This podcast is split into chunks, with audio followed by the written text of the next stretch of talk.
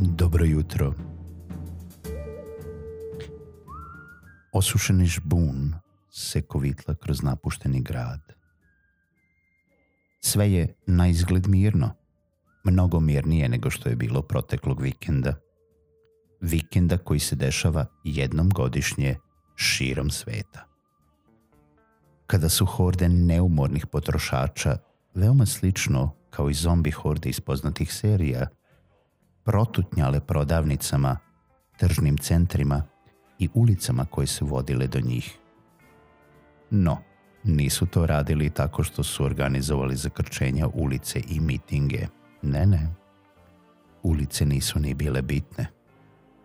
Već su se slučajni prolaznici transformisali u nezaustavljive potrošače u momentu prelaska praga nekih prodajnih objekata koji su već mnogo ranije postavili svoje mamce u vidu postera sa minus 20%, minus 30%, minus 50%.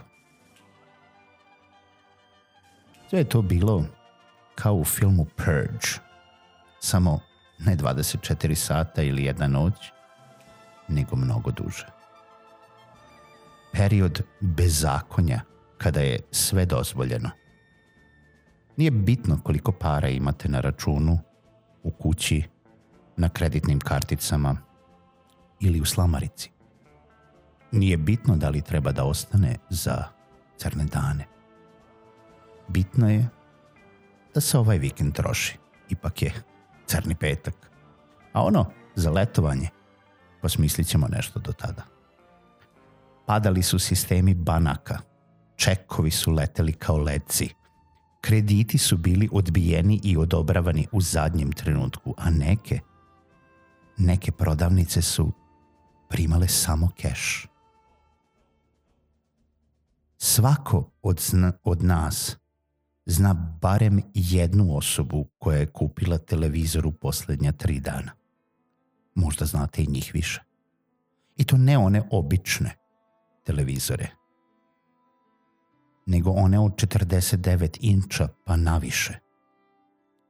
Čak nije ni bilo bitno da njihov stan i s razmere njihove sobe uopšte nisu adekvatni za toliki ekran.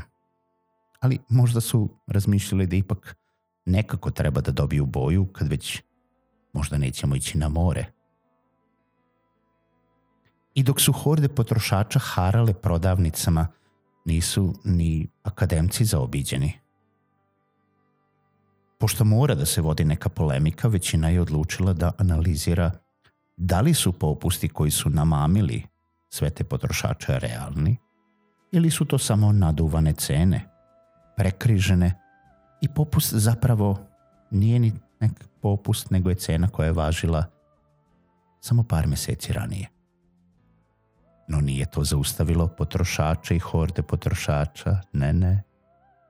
To im je samo dalo tematiku za razgovor u momentima dok su seli na predah okruženi brendiranim kesama iz poslednjeg pohoda.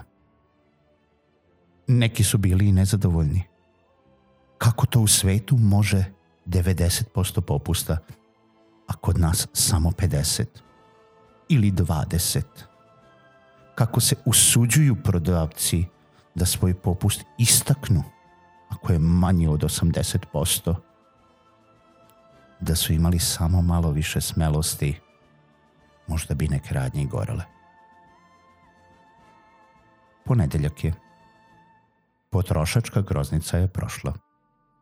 Svi se polako vraćaju u svoje radne zadatke. I kao posle vikenda pijančenja hodaju ulicama, pogled na dole. Nikome da ne kažemo koliko je potrošeno, ali samo oni najsmeliji su i danas u pripravnosti.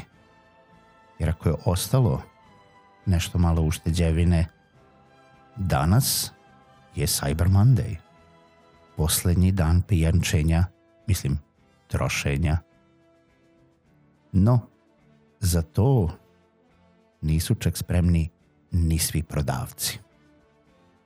Ko preživi, pričat će. u ovoj posebnoj post-apokaliptičnoj priči posle Crnog petka. Vidimo se u nekoj narednoj epizodi podcasta Male pobede.